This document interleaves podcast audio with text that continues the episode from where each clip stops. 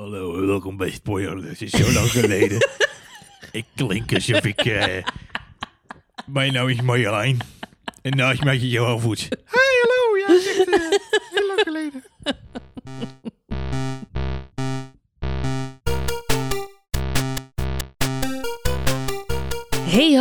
Leuk dat je luistert naar een nieuwe aflevering van F1 Spoiler Alert. Het is even geleden dat deze podcast te beluisteren was in je favoriete podcast-app, maar we zijn er weer. Ja. Want er gebeuren dingen, Johan Voets. Ik, ik wou zeggen, ik heb een baard, maar dat is niet waar. Nee. Nee, die, zelfs dat lukt me niet eens in deze tijden van gewoon thuis zitten en niet zoveel hoeven doen. Een baard creëren. De- want dat was je doelstelling Nee. toen dit allemaal begon? Nee. Oh. Nee, ja. Ik, eh, ik weet niet hoe het met de mensen thuis is, maar ik, ik merk zelf wel dat we... Ik weet niet hoe lang dit al duurt, maar ongeveer eh, twee maanden. Ik weet het niet in weken. om en erbij. Om en erbij. de twee erbij, maanden. ja. Eh, maar ik, het- is wel, zeg maar, de eerste vijf weken was het behoorlijk bergafwaarts. Dat je dacht van, hoe gaan we dit doen? Ja. En eh, eten. Lekker eten. Had jij Ja. dat ook? Ja. Nou ja, ik ik zou willen zeggen nee. Gezond geleefd. Kappertje gepakt regelmatig. ik zie er gewoon topverzorgd uit. Ja, maar dat is gewoon... En ik heb toch de indruk dat dat nu een beetje gekanteld is. Dat mensen zichzelf weer een beetje aan het fatsoeneren zijn. Ik zie ook overal mensen sporten. En iedereen, er is ook een petitie gestart om de sportscholen weer open te krijgen. Ja, ja, maar dat, is- Mensen dat, zijn de dat, is gewoon, dat, is gewoon, dat is gewoon Darwin, hè? Dat is De- gewoon ja. eigen, eigen behoud. Mensen willen aan de slag. De kappers die hebben deze week recordomzet gedraaid. Die Ja. gaan natuurlijk weer open. Natuurlijk. Dus eh, mensen hebben wel eh, behoefte weer om eh, Nou. dingen te gaan doen. Dames Dus, en heren, welkom bij Geknipt en Geschoren. De nieuwe podcast over Nou ja, de ik, ik resumeer even de afgelopen twee maanden. Oh, dat is heel... Ik zou willen zeggen, lekker beknipt. Ja, nou, heel, beknopt. heel beknopt. nou ja, goed. En, en ja, het leek mij wel tijd voor een afleveringetje. Ik moet, ik moet eerlijk zeggen, we hebben de afgelopen weken natuurlijk al vaker het erover gehad. Van we moeten even iets opnemen. Maar in alle hectiek eh, kwam dat er nog niet van. Maar deze week kan een podcast niet uitblijven. Het is, het is, de, grap is, je zit elke keer zat er zo'n beetje... Oké, nou, misschien Ja, dat we toch misschien een moet, weer... ja, Misschien moeten we een keer gewoon ja. vertellen hoe het gaat. En dat, we, dat we er nog zijn. Vinden mensen misschien ook fijn om te horen. Dat we Wat er- je, ja, wat je toch krijgt eh, nu met deze hele situatie, dat is dat je ook, eh, omdat er natuurlijk ook geen school was en, en, en de kinderen zijn thuis en zo, dan je raakt toch een beetje in vakantiemodus. niks van waarbij, gemerkt van die de- kinderen. Nee. waarbij ook die bedtijd steeds laten opschuiven, waarbij er ook veel minder tijd niet hoe- over blijft om op te bij andere nemen. mensen als bij ons was het oase van rust. Oase van rust. Alles liep op rolletjes, niks aan de hand. Er was niet zoveel tijd op podcast. Jij hebt wel wat podcast opgenomen de, afgelopen tijd nog. Ik ben nu ook weer begonnen met V2, maar dat was, Ja. eh, mind you, de laatste aflevering van V2, de, onze Gadget podcast die we ook Ja. uitgeven, samen met Michiel Veenstra. Die, die laatste aflevering was eh, in november. Oh echt? Ja, En nu heb je er drie achter elkaar opgenomen? eh, twee. Ja, de derde, derde Oh. komt eraan alweer. En de ja, vierde... het waren er drie, eh, maar er eentje was niet goed opgenomen. Nee, dat klopt. Dat was een, was, ja, Dat is ook zoiets, hè? Neem je zoiets. eindelijk een podcast Heb op. je een radio-dj als Heb co-host? eindelijk- ja, precies. Ja, nee, het, het drukt je op het verkeerde knopje Dus voor de microfoon. eigenlijk heb je drie podcasts gemaakt. Ja, en dan komt er nog een vierde aan. En dan, als je het dan zo zegt, komt er nog een vijfde ook nog achteraan. Nou ja, zeg. Ja, de gadgetmarkt begint ook weer een beetje te leven. Mensen willen toch De ook wel weer een gadgetmarkt beetje... begint weer te leven. Was de gadgetmarkt ooit dood? Nee, maar wat je Oh. merkt is dat mensen niet zo zaten te wachten op... Tenminste, ik, eh, dat is mijn interpretatie. Als mensen dat anders vinden, dan vind ik het ook prima. We hebben het in deze podcast over... Gaan we het zo nog even hebben over Formule 1. Mhm. Maar eh, mijn interpretatie was... eh, ehm, V2 is een hele grappige en leuke podcast... waarin we eh, alles bespreken. Hè, we hebben een mening over alles met een stekker. Is onze tagline een beetje. En, en mensen zaten niet, volgens mij niet echt te wachten op twee grappige mannen... die een gadget zitten te bespreken. Of misschien juist wel. Hm. Ehm, maar op dat moment waren er gewoon nog niet zo heel veel dingen voorhanden. En eigenlijk zo vanaf maart, eind maart, dat we zeiden van joh, misschien dan toch eens een keer weer in april proberen wat te plannen en wat, op- wat op te pakken. En toen kwamen gelukkig ook wat nieuwe dingen uit. Hm. Dus, eh, dus toen hebben we maar wat dingen opgepakt. Maar mensen hebben heel erg behoefte aan podcasts nu. Want ehm, Ja, daarom ik- zijn we stilgebleven. nou, ik moet zelf zeggen, ik ben echt eh, veel gaan eh, wandelen de afgelopen tijd. Ik ben normaal ook wel van het, van het fietsen, maar het is best wel druk overal met, met fietsers en wielrenners. Zeker hier in de, De de duinen, Ja. rondom, eh, rondom Zandvoort. Eh, dus ik ben wel vaak aan het wandelen tegenwoordig s'avonds. En dan altijd met een eh, podcastje erbij. Podcastje dus, erbij, ja. Ik hoop... Heb je nog eh, gouden tips voor nu dan? Voor mensen die... eh, Voor, de, voor ja, podcast? buiten, buiten deze natuurlijk fantastische Formule 1 podcast. Poeh, nou ja, de, de Beyond the Grid. eh, Beyond the Grid is wel ook, heeft zijn, zijn game ook al geüpt, hè? Ja, die hebben wel leuk. weer allerlei... Sowieso leuk. Ze hebben nog een, gaan nog een andere podcast ernaast doen ook, zag ik, van de Formule 1. Mhm. Ehm, en ja, weet je, sowieso die hele Formule 1 podcastmarkt is natuurlijk ontploft, om zo maar even te zeggen. Ehm, eh, helaas is dit seizoen weinig om over te podcasten met z'n allen.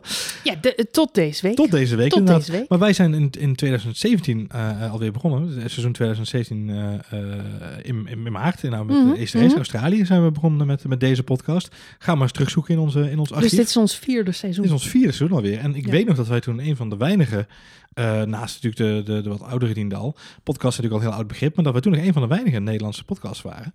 ehm, die ook echt op zo'n regelmatige basis eh, verschenen. Eh, en ik moet zeggen, in het begin waren we ook nog wel eens een keer dat we een uitzending misten om, om de een of andere oorzaak. Audio Mhm. die wegviel of andere zaken.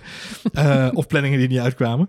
Maar goed, sinds, sinds 2018 alweer, 2000, ja 2019 zijn we echt met de updates ook begonnen. Dus gingen wij al met onze, onze game up, zeg maar. En Mhm. als je nu kijkt hoeveel Formule 1 podcasts er eh, gemiddeld rondzweven, zo in je Spotify of, eh, of Apple podcast eh, appje. Het is best wel behoorlijk. Ja.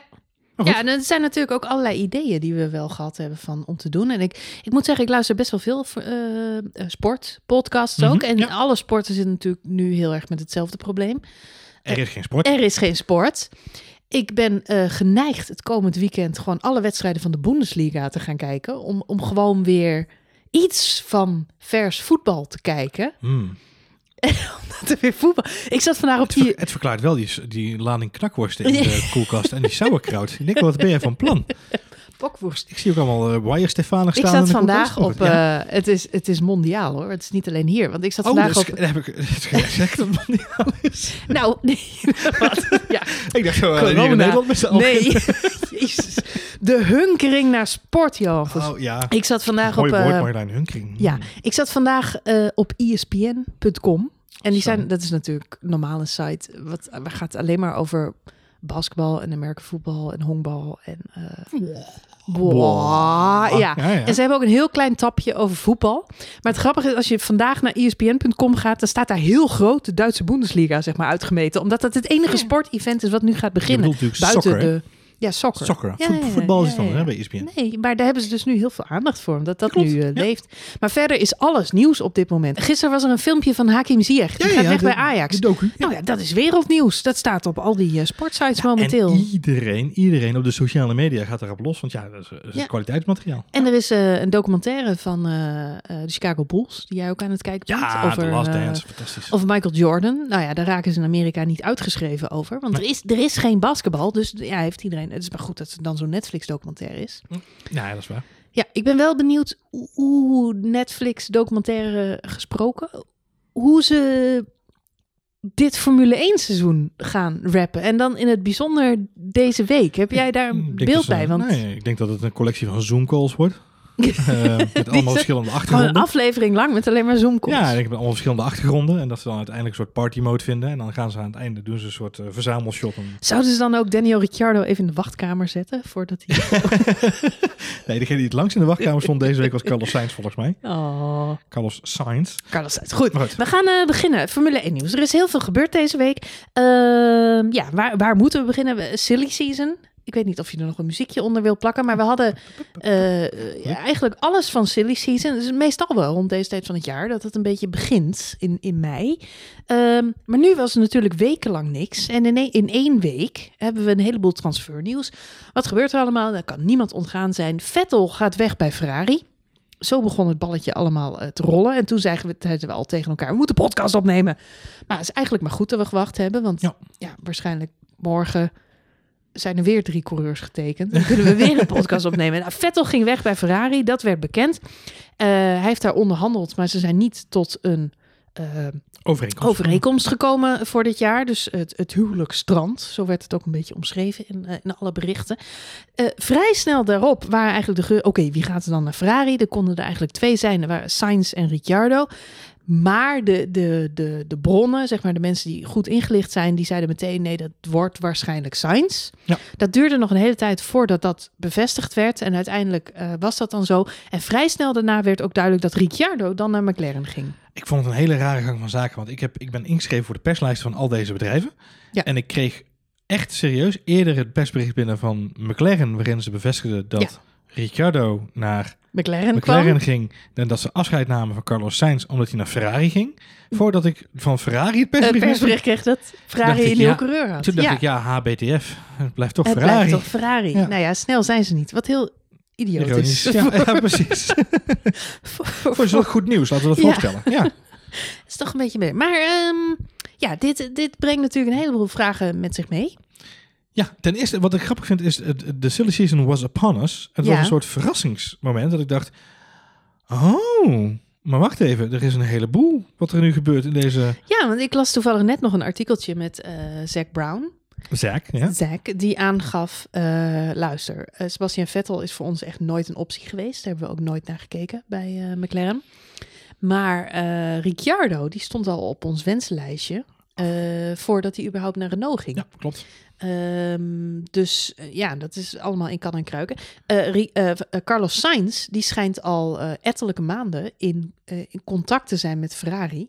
En daar ook goedkeuring te hebben voor gekregen van Ah, zijn team. Oké, ja, ja, ja. Dus eh, blijkbaar heeft hij... eh, Zal hebben het wel een een, tijdje eh, aan te komen. ja, ze hebben blijkbaar een, een hele open werkrelatie. Ik moet wel zeggen, toen het nieuws bekend werd, toen...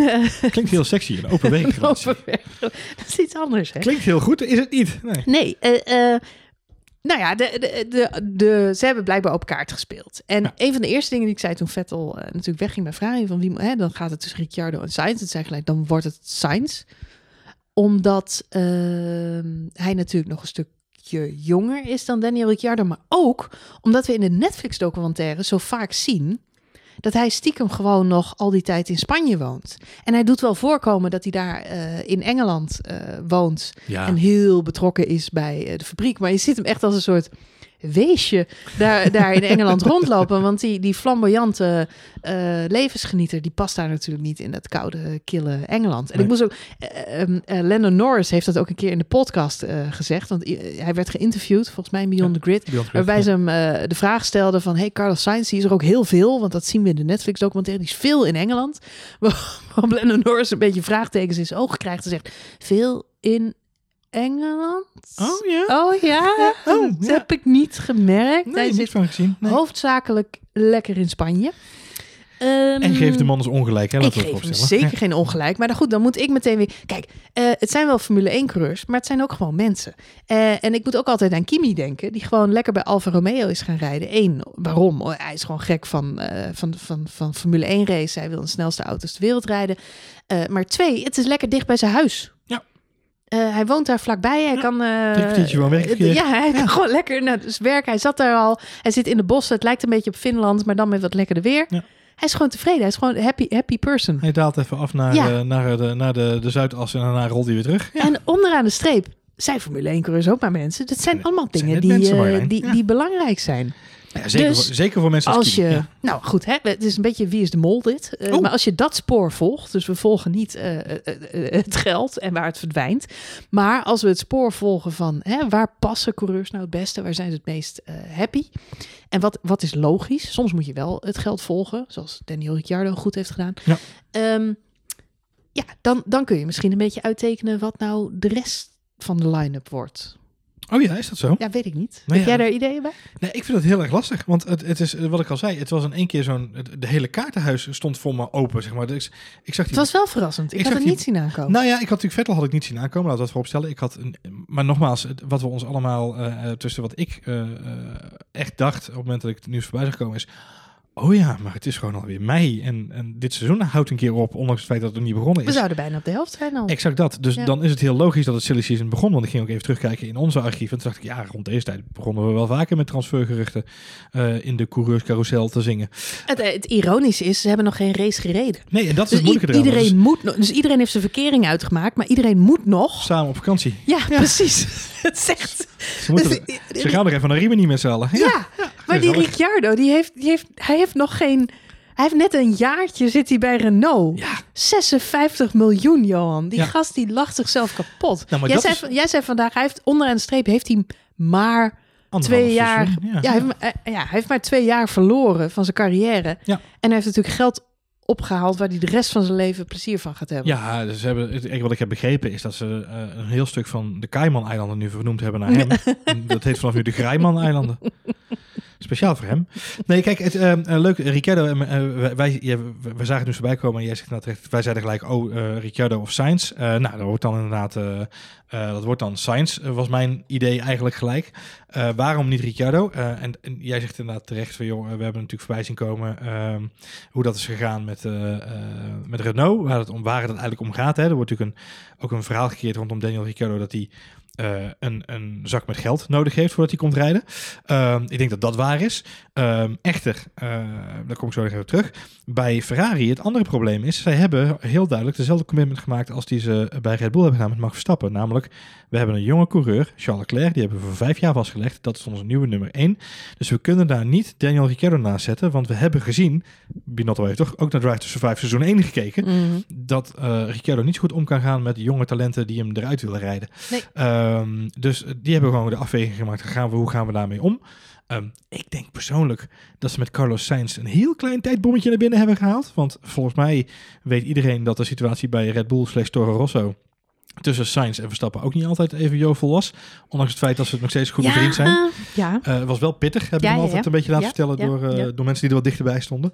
Maar Um, terugkomend op Ricciardo, die zak met geld. Ik vind het zo opvallend. Hij is uh, vorig jaar naar Renault gegaan, omdat hij inderdaad, hij was met McLaren in gesprek, maar hij kon daar, hè, heeft zijn portemonnee getrokken. Dat weet iedereen intussen. Um, maar McLaren is ook het team, hè, als, dan, als dat zeg maar de afweging is geweest, als, als financiën een, een, rol zouden hebben gespeeld bij Daniel Ricciardo, dan is het heel vreemd dat hij uiteindelijk toch bij McLaren terechtkomt, omdat McLaren een van de teams is die op dit moment het hardst bezig is om tegen die uh, nieuwe afspraken met die, die budgetlimieten. Zij willen die limiet nog verder naar beneden hebben, omdat zij ook zeggen van ja, we hebben ook niet het oneindige uh, pot Ja, met geld. Maar luister even. Die, eh, die, die moet je anders zien. Want wat is het verhaal?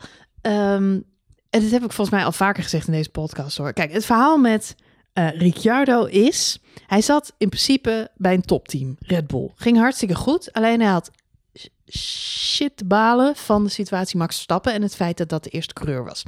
Dus hij is gaan onderhandelen.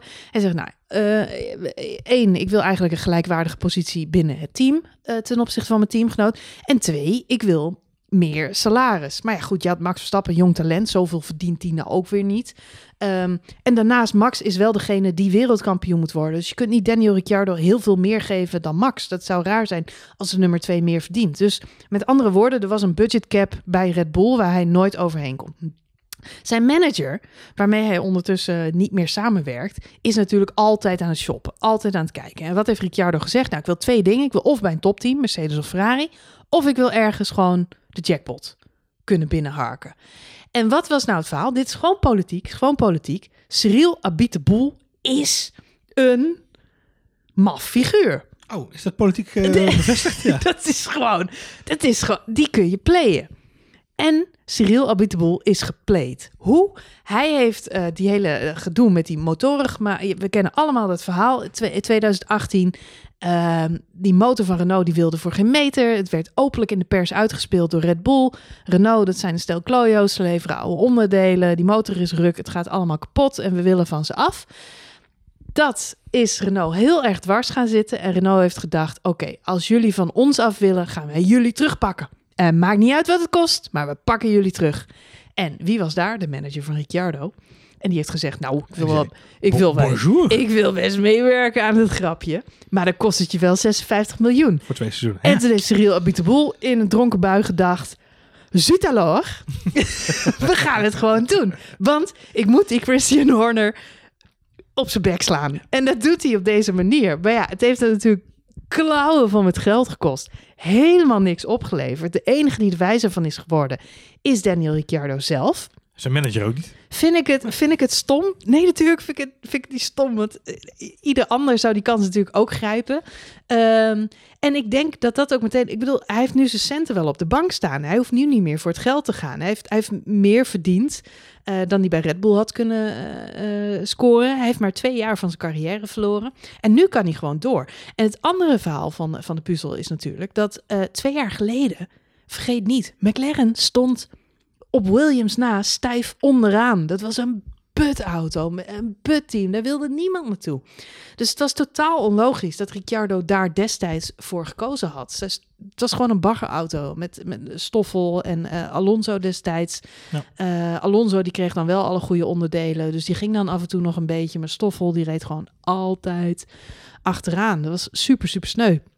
Dus het is hartstikke logisch dat hij daar niet naartoe ging. Ja. Eh, het is pas sinds één seizoen dat dat team weer een beetje iets is. Dus nu kan hij weer... En nu, volgend jaar gaan ze natuurlijk met die Mercedes motor rijden. precies, Dus ja. die Mercedes motor komt eraan. Dus dit is al met al... heeft eh, kijk, niks is een kopie van de geschiedenis. We hebben destijds er vaak over gehad van Ricciardo. Die wil zo'n Hamilton. Hamilton hij wil een Ja. Hamilton momentje hebben. En Hamilton is natuurlijk ooit van McLaren naar Mercedes gegaan. Toen Mercedes nog helemaal niks was. Zei Hamilton, oké, ik ga het proberen. Ik ga teams groot maken. Nou, dat, dat weten we allemaal is gelukt. Schijnt te zijn gelukt. Ja. Ja, nou, en iedereen dacht dat Renault Ricciardo zijn Hamilton move was, maar dat was niet zijn Hamilton move. Zijn Hamilton move komt nu pas. Maar in de tussentijd heeft hij pas pe- vast zijn pensioentje. Heeft hij zijn pennyrekening Zijn pensioen veiliggesteld.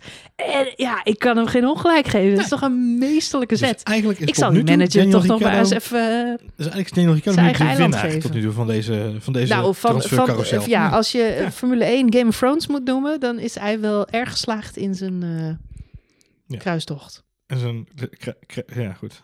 Ja. Hij is de little thing. Nou, goed, maakt niet uit. Eh hey, dan gaan we toch even terug naar Seppi, Seb Vettel. Ja, Eh, Sebi.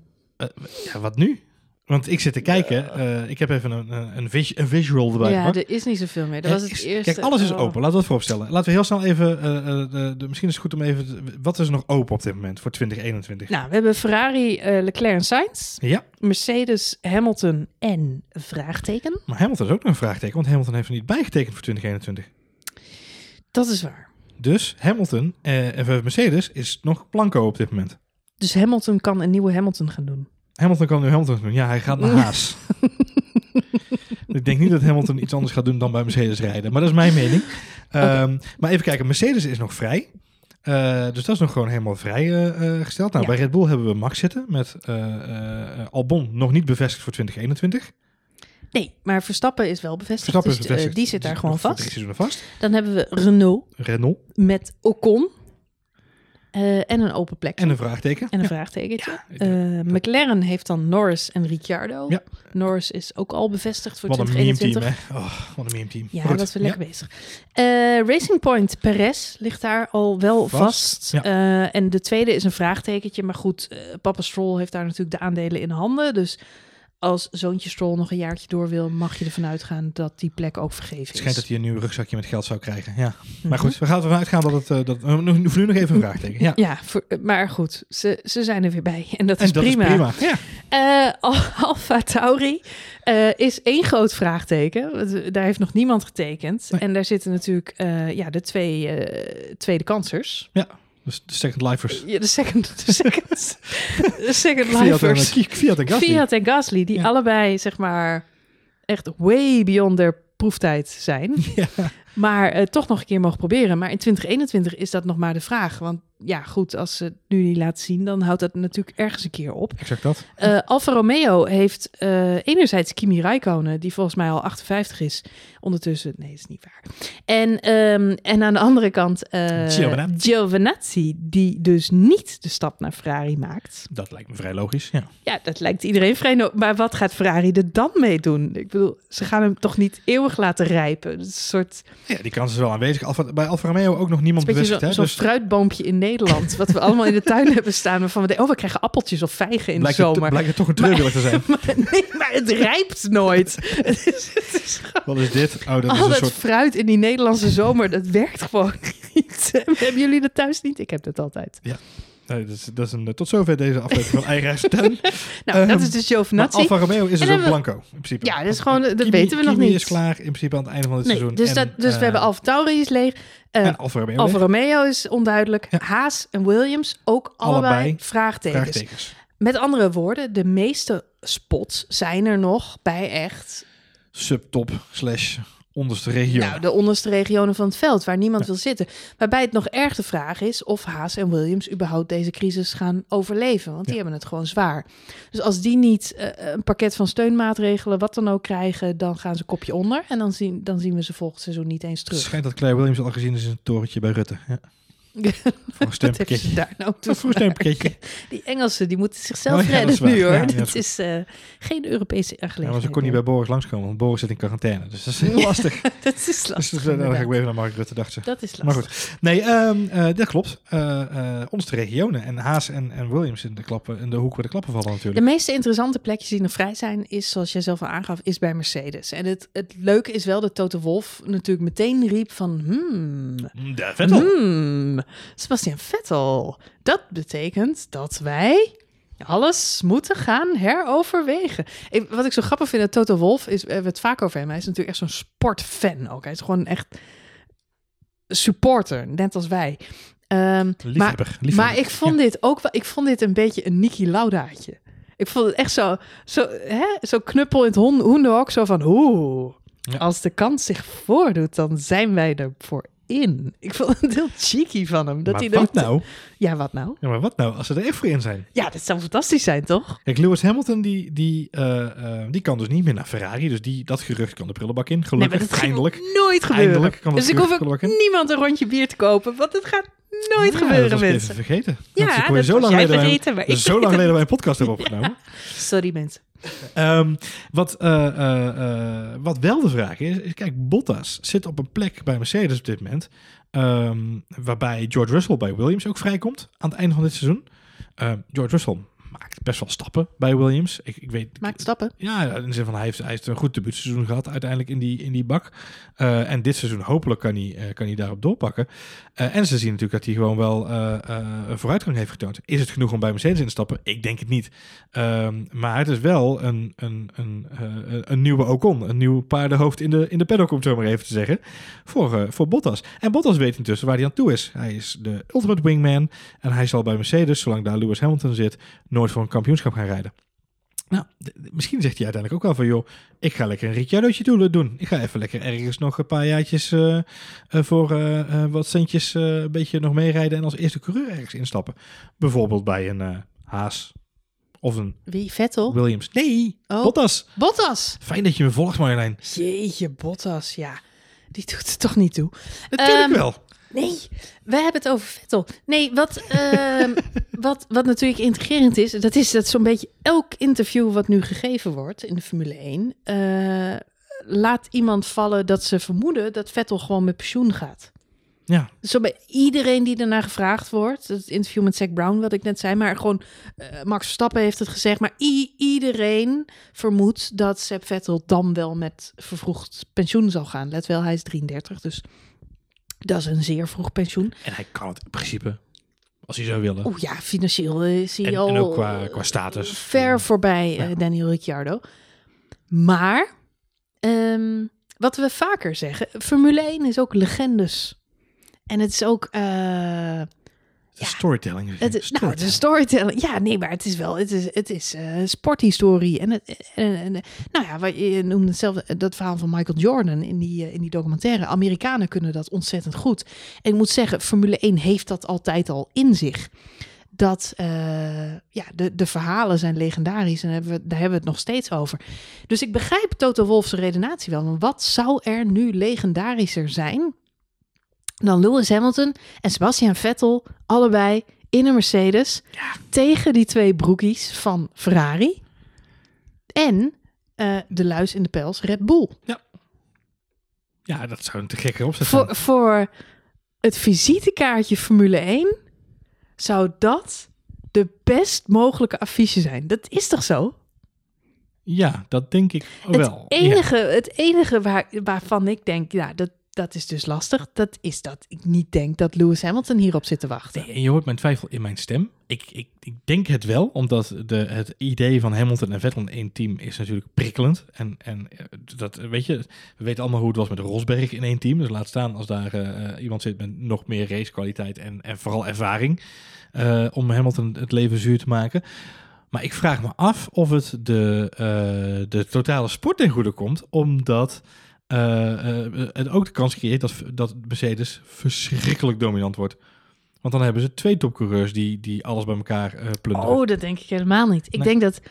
eh, Ik denk die interne strijd het, het, het, het zal openbreken. Nee, ja, wat je gaat zien is dat... kijk, Vettel is natuurlijk gewoon niet in vorm de afgelopen jaren. Maar wat we geen van allen weten en waarover we veel speculeren is... lag dat nou aan Vettel of lag dat aan de auto? En dat het feit dat de auto hem gewoon niet lag. Dat de Ferrari hem nooit gelegen heeft en de Red Bull wel. En dat zouden we, daar zouden we kunnen achterkomen als we hem... eh, natuurlijk in dezelfde auto als Lewis Hamilton zetten. Ja. Waarbij het alleen al interessant is, kijk, Mercedes is voor een groot deel om Lewis Hamilton heen gebouwd. Ehm, en zijn ze in staat. eh, eh, Mercedes is, het is wel Duits. Vettel is Duits. Ehm, dus het is wel de, de kroon op het werk van de Duitse autosport. Er werd van de week ook al heel veel gezegd op Twitter van goh, als Vettel echt weggaat uit de Formule 1, is er voor het eerst in weet ik hoeveel jaar geen Dou- Duitse Formule 1 coureur in de sport. Ja, Dat is insane. insane. Ja, dat is, dat, dat Ja. gebeurt nooit. Want ook, nou ja, goed, zou kunnen zijn dat Nico Hulkenberg natuurlijk weer terugkomt met al die vakante plekjes in het achterveld. Maar goed, ehm, ja, het is, Duitsland is autosportland. Vorig jaar zijn ze de Grand Prix kwijtgeraakt. Hè. Er was nog, we gaan het straks nog even over hebben, de races. Maar er, was, er is eventueel nog sprake van dat Hockenheim dit jaar nog misschien een keer verreden wordt. Maar waarschijnlijk niet. Ehm, maar ze zijn de Grand Prix kwijt. En ze zijn al hun coureurs kwijt. Het Ja. is, eh, Voor de status van Duitsland in de Formule 1 is het bam, het verschrikkelijk is, inderdaad. ja, en, de, en, de, en niet alleen voor de Formule 1, maar denk aan Mercedes. ja, Dat, Eens. Dus, dus de, ja, en, Ja. en Toto zelf natuurlijk ook. Het, het is de vraag eh, ja, of ze dit gaan laten gebeuren of dat ze voor de legacy van de sport toch zeggen, we gaan ervoor. we gaan ervoor. Ja, ik zou, ik zou zelf, ik, hetzelfde als het, nou, ik vond het verschrikkelijk dat Kimi Räikkönen natuurlijk eh, weg moest bij Ferrari. Zeker omdat hij nog een fantastische pole position en overwinning eh, pakte. Ehm, maar ik vind het ook wel weer mooi dat hij eh, bij Alfa Romeo nu nog eh meerijdt. En Gewoon zo'n rol pakt daar. Ja, ja, en Ja, gewoon ja. wel goede dingen laat zien. Voor Vettel vind ik dat een ander verhaal. Vind ik dat hij het verdient op basis van de afgelopen jaren prestaties? Nee. Hm. Hij is gewoon echt niet meer goed. Maar ik hoop nog steeds op, eh, ja, op dat we wel weer gaan zien hoe Ja. goed hij was en kan zijn. Ja, zo zou- oud is hij nog niet. Nee, maar dat zou te gek zijn. En daarom zou ik hem ook het liefst gewoon zien bij een team wat niet Haas of Williams of Alfa Romeo of Alfa Tauri heet. ik en- denk ook niet dat hij dat gaat doen. Nee, en eh, kijk, het probleem is dat Red Bull hem ook al afgeserveerd heeft intussen. Dus dat maakt het... Nee, bij Red Bull zie ik hem inderdaad totaal niet eh, eindigen. Nee, nee maar dat is ook gewoon omdat daar hetzelfde project geldt als wat bij Ferrari geldt. Namelijk, er is een, een jonge, een jonge eh, Ja. ster neergezet. Daar wordt omheen gebouwd. En, Ja. en de- dus je moet je schikken of niet. Dus de enige plek waar het qua strijd zou kunnen is inderdaad Mercedes. Maar hoe zou dan... Want als je dan... Als je, stel even dat je die aanneemt voor jezelf. Hoe ziet dan de line-up van, van, van de, de er volgens jou uit voor 2021? Oeh, ehm, nou ja, de, eh, stel we zeggen inderdaad eh, Vettel naar Mercedes. Dan heb je dus Leclerc en Sainz, heb je Hamilton en Vettel, eh, Verstappen en ehm, eh, Albon. Ik denk dat Albon als hij goed, door? Ja. ja. ik denk dat als Albon een goed seizoen rijdt, dat hij daar gewoon eh, verder kan. Ja. Hij, ja, hij, deed best wel toffe dingen vorig jaar. Dus ik denk ja, dat hij dit jaar best wel iets zou kunnen laten zien. Ja, Wordt hij dan zo goed als Max? Dat weet ik niet. Jij zegt net, Sainz is, is ook wel een geduchte concurrent. Ik heb bij Sainz, en ik hoop dat ik ongelijk op heb hoor, maar ik heb bij Sainz meer een Barrichello gevoel dan dat ik bij Sainz een Alonso gevoel heb. Nou, weet je wat lullig is? Zo werd hij wel weggezet in de pers gelijk. Door Oh Binotto. ja? Ja, Binotto zei gelijk. eh, Carlos Sainz is de ideale man om naast onze eh, eh, eerste drijver te zetten. Ons talent, Charles Leclerc, die we willen laten poetsen en willen laten shinen de komende jaren. Oh, Oké. Dat, is toch- dat zei Binotto Nou ja, dan hoop ik In dat... de Italiaanse pers in dit geval. Ja, nou, Ja. geluk, eh, de geschiedenis haalt zich, herhaalt zich gelukkig nooit één op één. Dus hij is geen nieuwe Barrichello, maar ik hoop dat hij dat laat zien. En ik hoop dat hij eh, Charles Leclerc bij tijd en wijle gewoon naar huis rijdt. Dat zou Ja. natuurlijk gewoon voor ons als kijker super tof zijn als die twee ook echt aan elkaar gewaagd zijn. Ehm, nee, Verstappen en Albon eh, zie ik wel gebeuren. Renault, eh, die hebben natuurlijk Ocon en die hebben nu een plekje vrij. Ik denk dat Gasly Oh, goeie. Ja. daar ja, heen gaat. Want ik heb zo'n gevoel nog steeds bij Renault dat die gewoon voor de full French experience willen gaan. Why not? Ja. Ja, en eh, dus de, de, en Gasly moet natuurlijk wel waarschijnlijk op zoek naar iets nieuws. Zeker als eh, Albon blijft bij Red Bull, zal die bij eh eh Al Alfa Tauri op een gegeven moment overbodig blijken. En, en je ziet waar Sainz uiteindelijk beland is. Die komt toch ook uit het Red Bull-programma. Dus het kan geen kwaad om toch te switchen in de middenmoot. Dat zie je wel. Ehm Alfa Tauri. Ehm, ja, ja. dat- Moeilijk, hè? Nee, dat weet ik nog niet. Nee. Het zullen jonge... Ja, er moet iemand komen op de plaats van. Er moet een plaats, op de plaats van, eh, van ehm, eh, Gasly moet er iemand komen. En ik zou zo 1, 2, 3 niet weten wie dat nu zou moeten zijn. En mensen zeggen Jury Vips. Eh, maar dat, dat- ja, dat zie ik niet heel snel gebeuren. Kan wel, maar denk het niet. Dus dat is nog wel even een dingetje. Daar zullen ze nog wel even iemand voor moeten gaan zoeken onderaan de streep. Ehm, Ja. Dat wordt wel een dingetje, ja. Ja, Alfa Romeo ook moeilijk lastig, want die hebben nu ehm eh, Giovinazzi en Kimi Räikkönen. Ja, wie moet daarvoor in de plaats? Eh, ik zeg Kimi. Laat hem nog een jaartje doorrijden. Ja, ja, ja. En Giovinazzi, ja, als je dat fruit nog langer wil rijpen, dan moet je het gewoon Laat lekker lekker laten rijpen. hangen. Ja, Laat het lekker hangen. Ehm, Haas en Williams, eh, grote vraagtekens, want ik weet niet of zij deze tijd overle- overleven. Nee. Het zou zomaar kunnen zijn dat Williams bijvoorbeeld moet besluiten om, om er gewoon mee te stoppen. Ja. En misschien ooit weer terug te komen, maar een, een seizoen niet te rijden. Ik heb geen idee. Ik vind het heel lastig. Eh, ik, eh, ehm, ik heb daar wel een idee bij. Ik, zal, ik, zal, ik ben het groot deel met jouw lijstje eens. Ehm, eentje waar ik, eh, waar ik een. ik, heb een beetje de, de dark horses erbij staan, om zo maar even te zeggen. Eigenlijk tot aan, tot aan Renault zijn we het wel met elkaar eens. Ocon en Gasly bij Renault, McLaren natuurlijk nog eens en Ricciardo alvast. Bij Racing Point zou het mij niet verbazen dat als daar toch gekozen wordt voor het sportieve succes, dat ze Hulkenberg terughalen. Eh, Hulkenberg en Perez is natuurlijk een, eh, een, eh, sterk duo geweest voor, voor Racing Point. Dus het zou me niet verbazen als die twee weer samengevoegd worden. Ehm Alfa Tauri inderdaad, vind ik, blijf ik een lastige vinden. We hadden het net al heel even over inderdaad. Daar, ik denk dat alle twee de coureurs daar uiteindelijk vertrekken. Ehm, en als je kijkt naar Alfa Romeo... eh, als Kimi besluit om eh, eh, zijn helm aan de wilgen te hangen, te- in het vet te pakken, dan zou het mij niet verbazen als Ferrari zegt: hey jongens, we hebben een overbruggingsjaar, want in 2022 hebben we nieuwe regels. Zullen we anders gewoon Mick Schumacher even in die stoel zetten? Oeh. Waarbij je dus de opstelling krijgt met Giovinazzi en Mick Schumacher. Ehm, dat is zomaar iets wat ik, als hij een goed seizoen nog kan rijden, dit seizoen in, eh, eh, eh, in de, volgens mij komt hij gaat hij in de Formule 2 nu. Mhm. Als hij daar gewoon een goed seizoen kan rijden, ja, dan, dan moet dat volgens mij wel, hè, dan gaan ze dat misschien wel gewoon voor een jaartje proberen. Al is het maar om het jaar te overbruggen. Want wat Ja. ik al zeg, er komt natuurlijk 2021 is een soort van overbruggingsjaar naar 2022 met alle nieuwe regels. Dus het zou me niet verbazen dat het gebeurt. Ook om de kosten te besparen. Want Alfa Romeo is ook een team waar de kosten gedrukt moeten worden. Nou, hetzelfde geldt voor Haas. Dus daar vind ik het heel erg moeilijk. Het zou me niet verbazen als ze daar toch de mogelijkheid vinden om Grosjean en Magnussen nog een jaartje te binden. Eh, eh, en Gene Haas toch gewoon zegt van ik doe het nog een jaartje. Eh, ook weer dat overbruggingsjaar, kijken wat er gebeurt. En dan kijken of we in die nieuwe Concorde deal eruit kunnen komen met elkaar. Bladibla. Eh dus dan zou bij Haas weinig veranderen. De enige dark horse die ik daar heb is dat ze eventueel toch Grosjean er eindelijk eens een keer uitgooien daar. En Kvyat daar naar binnen komt. Mm. Eh, wat ik denk dat Fiat een hele goede zou zijn, onderaan de streep. Mhm. Even weg uit de Red Bull-familie en even een nieuwe tak in. Mhm. En bij Williams, eh, Mhm. want wij hebben zojuist eh, samen besloten dat het heel erg tof zou zijn als Vettel bij Hamilton ja, dat betekent dat Bottas ehm, geen juist. plekje heeft. Bij Williams hebben ze geldproblemen, Mhm. eh, maar wel een Mercedes motor. Mhm. Ehm, dus eh, waarom eh, zouden ze daar niet gewoon zeggen, weet je wat, we helpen jullie met een coureur. We zetten Bottas bij jullie neer voor, een, voor een jaar of voor twee jaar.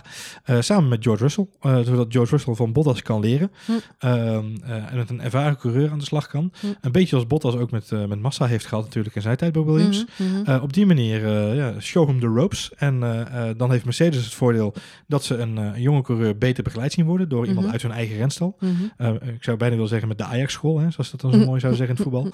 Ehm, en eh, Williams heeft eh, eh, misschien wel het mazzel dat ze eh, voor een gereduceerd tarief een coureur hebben zitten. Die niet eh, ook per se eh, eh, eh, ingekocht is door een of andere zak met geld, zeg maar. Ja, ja. Wat er ook voor zou kunnen zorgen dat ze misschien eens een keer in de punten eindigen met die bak. Je weet het niet, hè? Ja, nou ja, de, de, er is ooit in de punten gereden, hè? Door, eh, Eh, door. Bottas. Ja. eh, nee, Ja, door maar Bottas. Bottas, ja, ja, ja. eh. Nee, maar ik bedoel, dat is alweer een hele tijd geleden. Dus, eh, maar het, is natuurlijk wel... Het, eh, ik ik eh, volg je redenatie, maar het zou natuurlijk... Het is een beetje fancy, eh, fancy of one dit, want... Ja, dat weet ik. Leuk? Eh, nou ja, goed, het, het is eigenlijk niet eerlijk dat wij de nummer twee van afgelopen jaar degraderen naar het slechtste team van de Formule 1. Amerikaanse systeem, Marjolein. Het Amerikaanse systeem. Je hebt een draft. ja, Uiteindelijk, ja. als je het slechtst gepresteerd hebt het jaar ervoor, mag je als eerste kiezen uit alle talenten die er zijn. Nou, Oké, dat is de nou ja, draft, dat ja. is dan... En Liberty eh, Media is een Amerikaans bedrijf, dus het zou me niet verbazen. ESPN schrijft ook over Formule 1, Marjolein. Zie je het, hè? Mm, driehoekje, aluhoedje. het is allemaal een conspiracy. Ja, ik zou het tof vinden, echter. Ik denk, en ik ben bang, Ah. Bottas gewoon bij Mercedes blijft. Dat denk ik ook. Samen met Hamilton en dat Vettel inderdaad afzwaait en niet meer terugkomt in de Formule 1. Wat Mm. ik super jammer zou Super vinden, want dan zijn we Alonso kwijt, we zijn Raikkonen kwijt en we zijn Vettel Oh, kwijt. we zijn Alonso nog niet kwijt, want over elke hoek waar er ook maar... Het is een soort... eh, Alonso is een beetje zoals die, eh, die beestjes die altijd in het papier zitten, weet je wel? Hoe heet die beestjes ook alweer? Zilver, zilvervisjes. Oh, zilvervisjes, Ja. ja. Dan zo, dan tril je een papiertje op. en Ja, Dat is Fernando Alonso. Die komt elke keer als er een stoeltje vrijkomt, zie je... Wiebelt er weer in één keer zo'n beestje voorbij. Dat is Fernando Alonso, die wil een stoel. Hallo. Misschien kom ik terug. En dan op het moment dat het zover is, zegt hij, oh nee, toch niet. Oh, arme Fernando. En dat, nee, maar dat is wel nu ook weer hè, de gerucht dat hij naar Renault eventueel zou willen instappen. Ja, ja weet je, gast, weet je, Nou maak ja, bij. Renault zijn ze gek genoeg. Ze betalen er nog Alleen maar laten we geld voor vooropstellen, ook. dat, laten we vooropstellen dat het, het zou voor Renault een verrijking zijn naast Ocon. Ja, Want anders hebben ze, hebben ze totaal geen, geen het is haren op de natuurlijk de plek waar hij ooit wereldkampioen werd. Dus, Ja, daarom, dus die eh, band is warm. Eh, maar goed, zoals je weet, geen Nou enkele ja, band, alle, volgens geen mij enkele is band met Alonso ik is echt zeggen, warm. die heeft alle banden achter zich verbrand. Nou, dus Ehm, verbrand is ook warm, Marjolein. Dat is ook zo.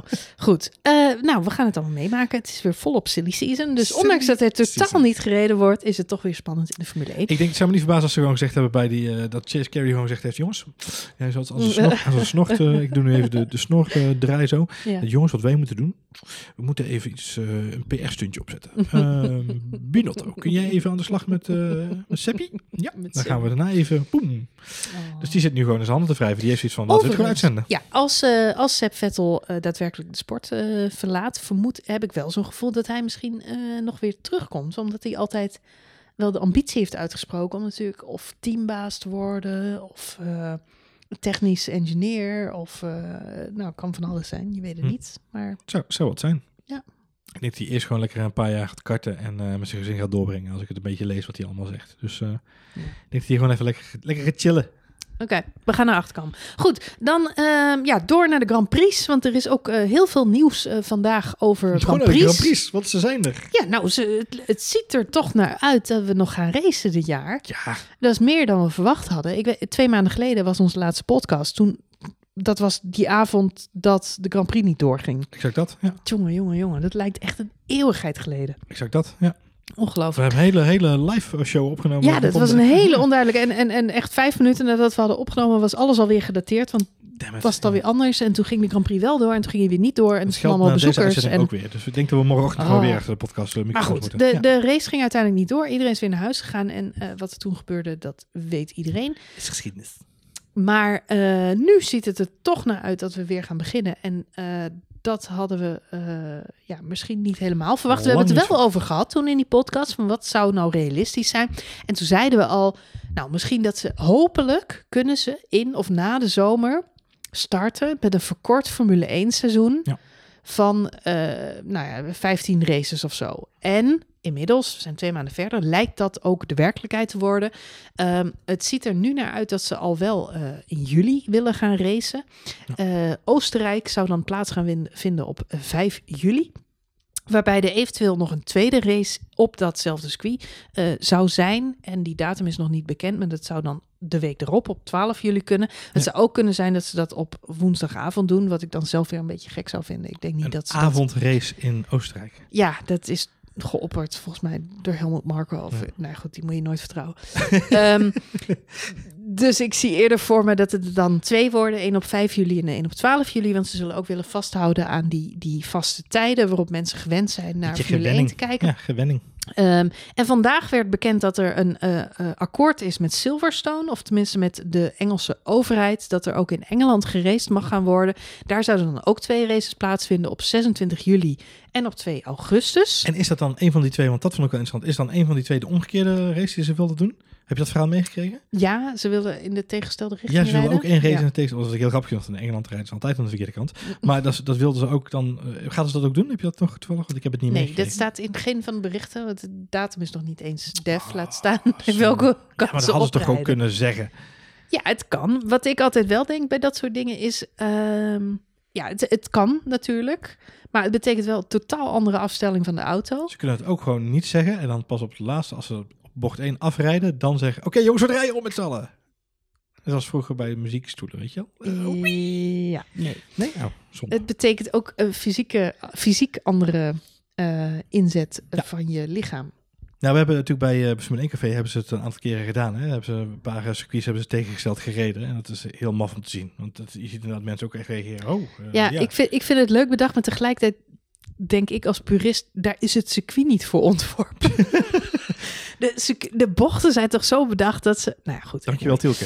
Laten we verder gaan. Ehm, Silverstone eh, en Twee Oostenrijk. Ja, ja. nou, en daarnaast zou dan eventueel nog een, de Grand Prix van Hongarije gewoon door kunnen gaan. Ja, En er zou misschien tussendoor nog een Grand Prix in Barcelona extra gepland kunnen worden. in Barcelona. Ja, dus dan gaan we op 9 augustus eh, naar Hongarije. 23 augustus Barcelona. De Grand Prix van Spa is ook vandaag bekend geworden. Die kan doorgaan. Ja. Eh, op 30 augustus, één dag na mijn verjaardag. Dus dat is in elk geval goed voor het feestje. En de week daarop gaan we naar Monza op 6 september. Oh, ja, we gaan niet echt, hè? Nee, nou, niemand gaat, want al deze Grand Prix zijn zonder publiek. We gaan op thuisuitje met een groot scherm. We gaan op thuisuitje naar deze. Ja, maar goed, eh, ik denk wel. eh, kijk, het verhaal zal natuurlijk zijn. Van alle sporten die nu weer vrij. Het gaat over voetbal en kunnen we weer gaan voetballen. Nou, Bundesliga beginnen ze dan weer. Eh, de, ook de KNVB schijnt op dit moment nog in onderhandeling te zijn. of ze misschien toch eerder weer met het seizoen mogen gaan starten. Ehm, Ja, als we de reguliere start mogen doen, inderdaad. Want dus voetbalcompetitie begint altijd in augustus ja, al. precies. Dus dat willen ze nu graag zo inderdaad houden. Ja, want Ja. in principe 1 september zou in Nederland de regel zijn dat we pas weer iets mogen gaan organiseren. Ja, precies. Ja, check. Ehm, overigens, die regel van het 1 september pas weer organiseren sluit ook uit dat we nog een eh, Grand Prix op Zandvoort in dit rijtje krijgen. Ja. Ik zelf denk trouwens dat wij daar niet zo heel rouwig over hoeven te zijn. Want er mag toch niemand bij zijn. Nee, daarom was mijn idee ook gelijk van, oh, gelukkig gaan ze niet naar Zandvoort. Want ik heb daar Ja. kaartjes voor. En ik zou er heel erg van balen als de eerste races van, die er ooit gereden worden op Zandvoort. oh, het zou dat toch verschrikkelijk zijn? Ja, dat, dat, dat, dat- Ik weet niet hoe Jan Lammers daarover denkt, maar ik, ik, dat zou... Ik denk dat het Jan Lammers denkt eh, dat eh, hoeveel inkomsten loop ik mis als er geen publiek is aan horeca en... eh en eh, Ja, dat weet ik niet. Ze en krijgen natuurlijk wel tv-gelden als de race wel doorgaat. Ook Dus wel waar. Ja. financieel levert het wel wat op, maar Ja. emotioneel Nee, eens. Ehm, eens. Jij Precies gewoon wat jij zegt. Je, ja, de eerste race ooit, Oh, ooit weer op Zandvoort en dan... Waar wij met- bij kunnen zijn. Ja, nee, Ja, niet dan- missen. oh. Nee, daar zou ik heel zuur van zijn geweest. Ja. En daarnaast is het denk ik ook oprecht tricky, omdat ik vermoed dat er... Daar gaan natuurlijk heel veel... Weet je hoeveel mensen ik gesproken heb die geen kaarten hadden voor de Dutch Grand Prix? Die allemaal tegen mij zeiden, het maakt me niet uit wat ik ervoor moet doen, maar ik ga in de duinen zitten, hoe dan Hmm, ook. Want het gaat niet gebeuren dat die race plaatsvindt en dat ik er niet bij ben. Dus er gaan mensen ook gewoon toch daar in de buurt proberen te zijn. Gatecrashen, ja. Ja, om het, om het te horen of om het, ja, weet ik veel. Om... Laat, laat, die zandha laat die zandhagen dus het niet horen, Marjolein. Nee, maar goed, ze gaan dat eh, eh, toch. Dus ik denk in alle opzichten dat we niet moeten hopen op een Nederlandse Grand Prix. En vooralsnog, het ziet er ook niet naar uit dat dat gaat gebeuren. Want ze hebben een soort ja, globale indeling gemaakt, waarbij ze dus in eh, Europa beginnen. in ja. Europa beginnen. Ja. En dat loopt dan tot september. En dan gaan ze. Eurasia gaan we doen. ja, Eurasia. Dus het is. Azerbeidzjan. alles in Azerbeidzjan en Rusland en China en Japan. Dat zou Ja. in eind september en begin oktober zijn. Eind oktober maken ze dan de oversteek naar Amerika, waar ze voor de Amerikaanse Grand Prix Mexico, Brazilië gaan rijden. Ja. Eh, en het idee is dan daarna in principe eh, Arabië. Vietnam staat daar nu nog tussen. Ja. Eh, en Bahrein en Abu Dhabi, dat zouden dan de afsluiters zijn. Dan heb je het over eind november, en begin december. Ja. Dus ze delen het in elk geval in per regio, zodat ze niet zoveel hoeven te reizen. Waar ik me nog zorgen over maak is de GP in Mexico. Want de, de, het Mexicaanse het circuit in eh, Mexico, de eh, Hermanos, naam ja, van die twee broertjes. Ja, Ja. De, de Hermanos. Ja. Dat is nu op dit moment een veldhospitaal. Dus eh, daar liggen op dit moment eh, mensen die met coronavirus geïnfecteerd zijn. Liggen daar eh, in, op, rondom de tribunes en op dat hele mooie stuk daar. Oh. Dus ik weet niet, kijk, het ligt natuurlijk aan hoe erg ze de boel daar onder controle krijgen. En we praten over eind oktober, zie ik. Dus Het, lijkt, het lijkt me geen tijd- prioriteit hebben op dit moment in Mexico. Nee, het eh, denk niet dat ze zo, zomaar zullen zeggen: oh, laat hij met Formule 1 maar komen. In het geval, Nee, nee. Ik, ik zie de. Nou goed, we, gaan we gaan naar achter komen hoe dit zich natuurlijk gaat ontwikkelen. Ja. Wat, wat wel zo is, is dat je. Eh, wat je nu ziet, is dat Azië het natuurlijk allemaal al wat eerder had dan wij. Dus die hadden het ook sneller onder controle. En die konden toen ook weer eh, dingen gaan opengooien. Mhm. Nou, nu zie je dat in Europa een beetje gebeuren, dat er weer meer vrijheid komt. In Amerika, Zuid-Amerika, zijn ze daar nog niet. Want die Nee. lopen ook weer een beetje Ja. achter.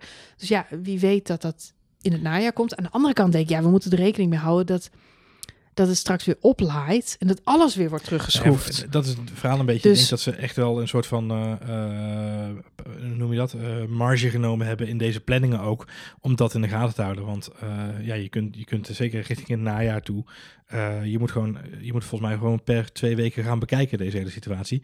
Nog even los van het feit dat ik heel benieuwd ben als dat circus daar gaat reizen.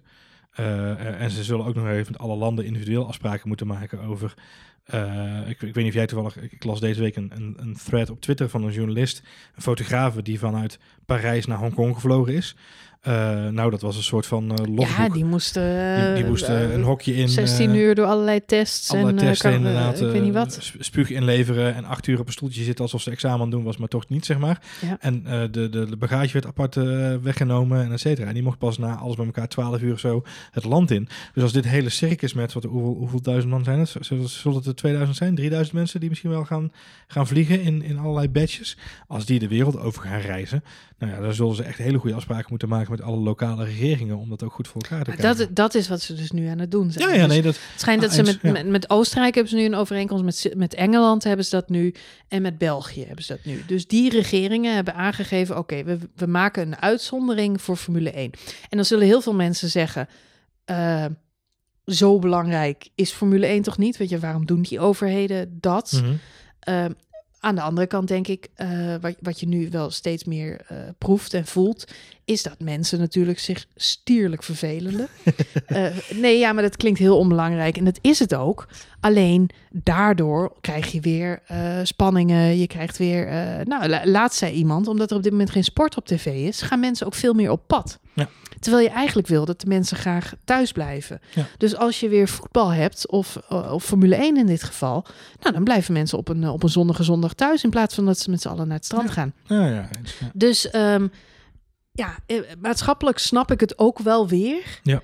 Dat ze bij overheden zoiets hebben van, nou laten we, laten we het vermaak voor de mensen weer op gaan starten. Want dat betekent dat ze afleiding hebben. Dat ze, eh, ja, je hoort nu ook over van die spotjes op de radio. Er zijn ook mensen die natuurlijk een beetje down worden van, van alles wat er speelt. Er, is, er is geen afleiding. En dit, soort, ja, dit is natuurlijk ook Wat gezond ziet- voor je- de mensen op een hele vreemde manier. Wat je ziet is dat ze kiezen voor dubbele races in Oostenrijk en in Engeland. Eh Spa komt daarbij. Dat betekent dat ze eigenlijk op papier nu op dit moment al vijf wedstrijden bevestigd hebben. Ja. Volgens mij hebben we eerder al aangegeven, er zijn volgens mij acht wedstrijden nodig om er een officieel wereldkampioenschap van te maken. Eh, dus ze zijn hard op weg om het op die manier volgens mij in te kleden. Eh, stap voor stap, wedstrijd voor wedstrijd gaan ze dit gewoon oppakken. En het zou zomaar kunnen zijn dat er toch nog hele grote gaten gaan ontstaan in die planningen. Ja. Eh, maar dit is de voorlopige agenda die we nu hebben. Het zou mij niet verbazen als daar nog races tussenuit gaan vallen en dat er toch inderdaad nog wat meer hiaten in komen. Maar dat is op zich niet zo'n heel groot probleem natuurlijk voor ons Formule 1 fans, want er wordt in ieder geval weer geraced en dat is al een hele stap voorwaarts. Nou ja, dat zou top zijn. Het is nogmaals, het is niet het belangrijkste in de wereld. Nee. En als we de veiligheid en de gezondheid niet kunnen waarborgen, dan moeten ze het ook absoluut niet doen. Maar Ja. ik neem aan dat ze er alle maatregelen die er kunnen worden genomen, worden genomen. Met, met het testen bijvoorbeeld van alle mensen die gaan vliegen. Ik kan me ook voorstellen dat journalisten misschien niet mogen gaan. En dat echt alleen maar het hoognoodzakelijke eh, personeel naar dit soort races toe gaat. Ja, nee, dat worden Nou een hoop, eh, hoop Zoom-calls naar de persconferentie inderdaad. Ja, ja inderdaad. Ik weet niet of je het gezien hebt, maar er was dus deze week ook bekend geworden dat er een, een voetbalclub is in, eh, in Denemarken. Mhm. En die gaat dus eh, het stadion uitrusten met allemaal schermen op de tribunes. Heb ik gezien, ja. En ja. kunnen supporters kunnen een kaartje kopen. En dan kunnen Ja. ze via Zoom inbellen. Dat hoeven ze in Zandvoort niet te proberen, want dan kun je al die iPads weggooien. al het zand wat erin zit na drie dagen. eh, maar goed, Kansloos. kunnen mensen dus via Zoom kunnen ze inbellen, kunnen ze voetbalwedstrijd kijken. Nou goed, misschien ga je dat hier wel meemaken. Ik las ooit een keer een theorie van een, eh, van, eh, wat is het, niet een theorie, maar dit is een experiment wat de, de Super Bowl gedaan heeft in Amerika. Die hebben, op een gegeven moment hebben ze ehm, een VR, een virtual reality camera, een 360 graden camera in het stadion gezet. eh, tijdens de Super Bowl. En dat kaartje kon je kopen voor 15 dollar. Mhm. Eh, het voordeel daarvan is, je kunt het kaartje gewoon, ik weet niet hoeveel keer verkopen, dat kun je honderdduizend keer verkopen. Want dat werd gewoon via een livestream verzonden. En mensen konden dan met een VR-bril op, konden ze alsof ze in het stadion zaten naar de Super Bowl kijken. Volgens mij was het niet de Super Bowl, maar een op, op maat na de Super Bowl. Het was een experiment. Maar in dit geval, dat, dat zou in dit soort gevallen zomaar eens eh, in onze, in onze sportbeleving ook nog wel eens een, een ding kunnen gaan worden. Waarbij we steeds meer eh, op die manier, op andere manieren sport gaan beleven. En er is, er is heel veel af qua technologie, maar dit Ja. is dan weer niet op tijd af. Nee, maar aan de andere kant, ik weet ook niet hoe gezellig ik het zou vinden om op dit moment eh, met het hele gezin, want we hebben, hè, dan dan zit je met z'n vieren met een VR-bril. Het is altijd mijn probleem met VR-brillen geweest. ik Ik zie het gewoon niet voor me dat je met Zeg, wil jij nog wat zo'n Ja, bom, Ja. bas, bas. Eh, ik ga even mijn VR-bril afzetten. Oh, toch bom, jongens. Oh, oh, oh, Nee, goed. erg. Eh, eh, maar goed, het, Maar goed, eh, we kunnen dus wel Formule 1 eh, barbecues eh, gaan eh, plannen van de zomer. Ja, niet met je vrienden dan, maar met je gezin of Ja. zo. Of met eh een eh, designated vriend of vriendin. Of met een heleboel iPads en een Zoom-call. Ja. Ja, precies. Ja, nou ja, goed. Maar jongen, jongen, wat zullen we daar... Wat ga jij doen? eh, Nou, ik ga lekker barbezoomen dit weekend. Een barbezoomen. Ja. Leuk. Ik zou hem claimen. Is hij nog vrij? Waarom ook niet? Barbezoomen. Goed. Hey, heb jij er nog last van, want het goed dat we, hè, wij zijn kerngezondelijk. Heb jij nog veel moeten blazen dit weekend? Of deze week? Blazen? Ja, eh, 70 kaarsjes. Oh, Formule 1. Ja, het is eh 70 jaar. Dat hadden ze zich toch anders Ik voorgesteld. denk het ook. Ja. Maar ja, goed, sommige verjaardagen lopen nou eenmaal anders dan je gewend bent. Ja, als je 70 bent, moet je het ook een beetje rustig aan doen. Ja, en voor binnen blijven hè, als je 70 bent. Ja, precies. Ja. Mag geen bezoek Geen ontvangen. bezoek ontvangen. Niemand op de pot. Formule 1 was deze week jarig. Ja, Formule 1 werd 70. Ik, eh, ik- jij zei dat zo van, oh ja, ze werd 70. Toen dacht ik, ja, dat heb ik wel gezien. Want ik kreeg een mailtje dat je korting kreeg in Ja. de shop. Ik denk nou, 70 procent. Ja, 70 Helaas. Nee, helaas. dat was dan weer niet zo. Nee, wat ik verder nog langs zou komen... is dat ze een ehm, verkiezing hebben gehouden... onder de fans... wie nou de meest invloedrijke persoon in Formule 1 geschiedenis was. Ja, En die verkiezing is gewonnen door, wie denk je? ja ik, ik Oh, weet het. Ja, Ja. Michael Schumacher. Ja. Die heeft gewonnen. Eh, dat verbaast mij wel. Toch Wie wel, oké, ja, ja. wie had jij gedacht dat zou winnen? Ik had oprecht Bernie Ecclestone verdacht. Oh? Ja. Ja. Ja, ik denk dat... ehm, Nee, ik denk dat bij dit soort verkiezingen wint altijd een coureur. Er kan nooit een organisator winnen of een teambaas. Hm. Dat, dat, die hebben gewoon minder fans. Dat is gewoon zo. Maar de, Ik ben wel met de, je de eens. vraag was de meest invloedrijke Ja. persoon Ja, natuurlijk. in Formule 1 alle tijden. Ja, Bernie Ecclestone is de meest invloedrijke persoon in Formule 1 alle tijden. Ik denk oprecht, ik, ik, snap jou, eh, ik, ik- ben het helemaal met jou eens met jou, met jouw eh, eh, Ja, eh, het is redenatie public, public vote. Het is public voting en, en mensen kiezen voor een coureur. Of, of, en dan had jij, denk ik, als ik, je- als ik even gok nu, Fangio verwacht misschien. Nee, ik had Nee? Senna verwacht. Want Senna. Senna. Senna, wint altijd alles. Ja. Eh, kijk, er zijn een hele hoop mensen, er zijn een heleboel mensen heel belangrijk geweest voor deze sport. Eh, en Jackie Stewart, eh, ik zit even, we hebben de bracket hier nu voor me. Jackie Stewart is in de tweede ronde al afgevallen van deze hele. Ja, maar hij heeft wel gewonnen van Max Verstappen. Ja, en daarna heeft hij verloren van Fangio. Dus op zich, je, hij had, een, hij had gewoon een zware loting. Nee, want ze hadden allemaal een, een zware sloting. Want dan kun je zeggen... Oké, want het was dus... Oh, Ja, het was een bracket-verkiezing. dus dat betekent dat je steeds eh, moet kiezen tussen twee. Ah, ja, maar ze hadden wel een verdeling gemaakt. Tof. Ja, dus Jackie Stewart tegen Max Verstappen, dan wint Jack, Jackie Stewart. En Jackie Stewart tegen Fangio, dan wint Fangio. Dit was in het eh, blokje eh, coureurs. Ja. Eh, trouwens, opvallend dat eh, Max Verstappen daar überhaupt bij staat. Want Hij is de enige jonge coureur eh, samen met eh Niki Lauda. Eh, sorry, Niki Lewis Lauda. Hamilton. Lewis Hamilton natuurlijk. Maar Max Ehm, Verstappen is natuurlijk de allerjongste Formule 1 winnaar aller tijden. En gaat dat, ook, dat gaat nooit meer veranderen. Dus hm. hij is natuurlijk wel de jongste racewinnaar ooit. Dat gaat nooit meer veranderen. Dus, Ja, maar ja, hij is geen viervoudig wereldkampioen zoals Sebastian Vettel. Nee, maar Hij is ook niet de jongste Maar het was natuurlijk wereldkampioen. wel belangrijk om alle Nederlandse mensen aan het stemmen te krijgen op de... Ja, nee, ik snap het helemaal. Maar het is dan niet helemaal gelukt. Want, eh, nou goed, was, het was natuurlijk ook niet terecht geweest als Nee, dat eh, was gebeurd. dat. Ehm, eh, Lewis Hamilton die moest inderdaad tegen Fangio, die, waarbij Fangio gelijk wint. Ja. Dus Lewis Hamilton lag er al in de eerste ronde uit. Ja. Eh, en ja, Fanjo wint dan van eh, Jackie Stewart. En Dus uiteindelijk... ook daar is Max Verstappen gelijkwaardig aan Lewis Hamilton, kunnen we zeggen. Ja? Ja, ja, nou, ze lagen er allebei in de eerste ronde uit inderdaad. Nee, Michael Schumacher, die had best een zware lo- loting. Die moest namelijk in de eerste ronde tegen Niki Lauda, Ja. waarbij hij eh, won. Daarna moest hij tegen Ayrton Senna. ja. En op de een of andere manier heeft hij dat weten te winnen. Daarna hoeft hij alleen nog maar tegen Juan Manuel Fangio, wat hij ook won.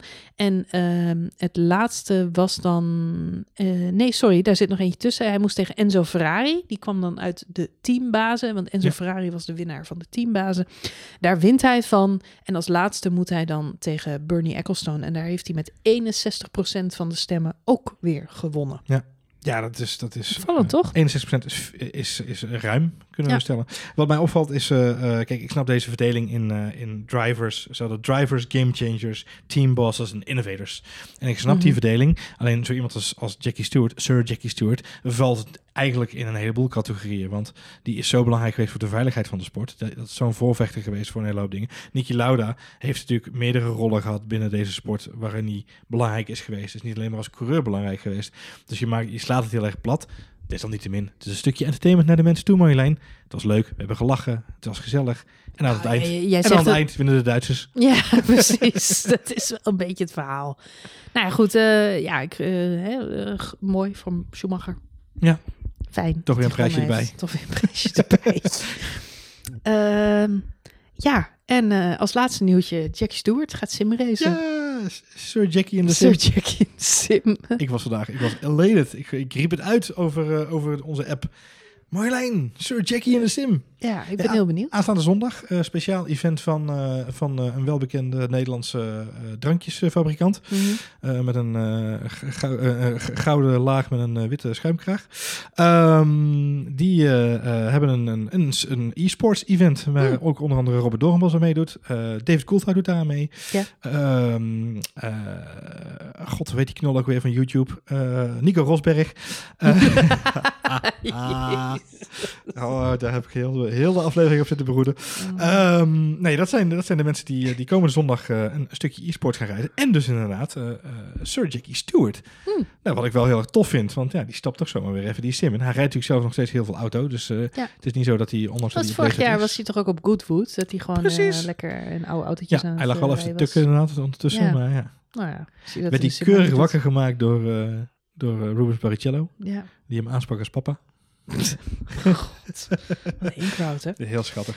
Nou ja, ik vind het wel leuk. Het is En, natuurlijk, eh, e-sport is natuurlijk een groot ding geworden de afgelopen Ja, weken. ja, ja, ik zie op eh, eh, Twitter ook heel veel mensen fanatiek daarmee bezig nu. Ja. Dus eh, Het is ja, heel tof om te zien dat, het is Ik leuk moet- om te zien dat dat ja. nu in ieder geval van de grond komt. ik moet zeggen, ik kijk zelf nog wel eens naar de oude races die nu herhaald worden. Ja. Dat is toch ook eh, leuk om te kijken. ja, en we stappen zelf regelmatig nog even een keertje nu in de, in de stoel. Ja, je hebt je sim ook weer van, eh van zolder gehaald. Sim, de sim. Ja, stuur, stoel. Stu- stuur met terrasstoel. Ja, playseat apparaat. Ja. Nee, ja, dat, eh, ja, nee, klopt. Eh, nou, nog even die nieuwe games scoren dan. ja, dat is eh, in juni, jongens. Dan, Ja. eh, dan komt die. Ik lees overal reviews. Waarom hebben wij geen review-exemplaar? Goeie vraag. Ik zal Codemasters eens even mail ja, sturen. ze eens even mailtje sturen. Ja, nee, heel erg de leuk. podcast wel sponsoren. Wat leuk is, Ja. in deze nieuwe game van, eh, van F1, de F1 Ja, 2020 ja, game, ja. zit niet alleen Zandvoort als nieuw circuit, Nee. maar zit ook Will Buxton Echt? als eh, officiële journalist in, het, eh, ga- in de game. Oh ja, wat cool. Dus Will Buxton was deze week... eh, mensen kennen Will Buxton waarschijnlijk wel, hopelijk, van, van de social media kanalen van Formule 1 en de, de, de Facebook talks die hij doet. Hij was over the moon dat hij dat bekend mocht maken, want hij is groot fan van, van race games. Hij zegt ook zelf, ik had vroeger op mijn Sega Game Gear in de jaren 80 zo'n beetje, denk ik nu. Ja, had ik al Super Monaco op mijn, op mijn Game Gear speelde ik. En nu zit ik zelf in een videogame. Hoe cool is dat? Nou, dat heel tof. Live goals, mensen. Live, Live goals. goals. heren. goals. Goed, nou, ik denk eh, dat we moeten gaan afronden. Volgens mij hebben we meer dan een uur volgepraat over Formule 1. De harde Dat- schijf is vol. We moeten Ja, ik stoppen. hoop, ik, ik, nou ja, eh, eh, wat ik tegenwoordig vaak doe bij podcasts, en veel podcasts duren tegenwoordig een uur, en dan speel ik ze op iets snellere snelheid af. Marjolein, het is met mensen die naar mij luisteren niet aan te gaan. Nee, is het niet te volgen? Klink ik helemaal als Speedy Gonzales. Nou ja, goed, het is een beetje sneu dat deze tip helemaal aan het einde van deze podcast komt. Maar je had dit dus 1,2 keer zo snel kunnen luisteren. Maar staat tegenover, als je nu net een wandeling hebt gemaakt, of een rondje hebt hardgelopen, of lekker een fietstocht hebt gemaakt, ben je goed bezig. Of even lekker de kinderen op noise cancelling heb gezet en Precies. gewoon op de bank heb gezeten. Lekker aan het op. koken bent, Heerlijk. zondagavond potje, weet ik veel wat je maakt op zondagavond. Stew. Op, zaterdag, op zaterdagochtend. Kijk maar even. Nou goed, ik, ben, ik hoop dat jullie ervan genoten hebben. Ik, eh, ik, heb, ik heb het naar mijn zin gehad. Dankjewel. Nou, fijn. Ik hoop de luisteraars ook. Eh, en ja, zo gauw er weer eh, Silly Season nieuws is of ander Formule 1 nieuws, dan zijn we er weer, toch? Nou, ik denk dat het goed is als wij nu regelmatig... Want dit ding... Ik, ik ben een uur aan het stoffen geweest om die microfoon schoon te krijgen. en ik, ik moest dus sowieso de sleutel zoeken van de studio. Ik denk, waar moet ik heen? ik wist de weg niet eens meer. Dus ik denk me verstandig als we wat vaker even achter de microfoons kruipen. Laten we dat doen. Laten we dat doen. Lijkt me een goed idee. Nou goed. Eh, dank voor het luisteren. Wil je reageren? Dan kan dat zoals altijd via Twitter. Daar zijn we allebei te vinden op het Even een spoiler alert. en het Johan Voets. En, Marjolein. ja, kun je altijd weer reageren Met een lange ei. met een lange ei. Laat review achter in de App Store. In de App Store? ons in de App Ja, Store. In de App de Store. App Store. Ja. Oh, in de App Store, in de iTunes, weet ik veel. In de podcast store. Laat er, die mensen, dingen. laat er, dit is een spel. Berenjacht is zo ontzettend maart en april. Het nieuwe challenge voor deze maand is laat een review achter. En wij gaan zoeken. Zeg niet waar je me gelaten hebt. Zet dan gaan we in de nu jij comments van spoiler alert terugvindt. We gaan er naar zoeken. Homelongen. We gaan er naar zoeken. Kijk uit, hè? Ja. Oké, dank voor het luisteren. en heel graag tot de volgende aflevering van F1 Spoiler Alert.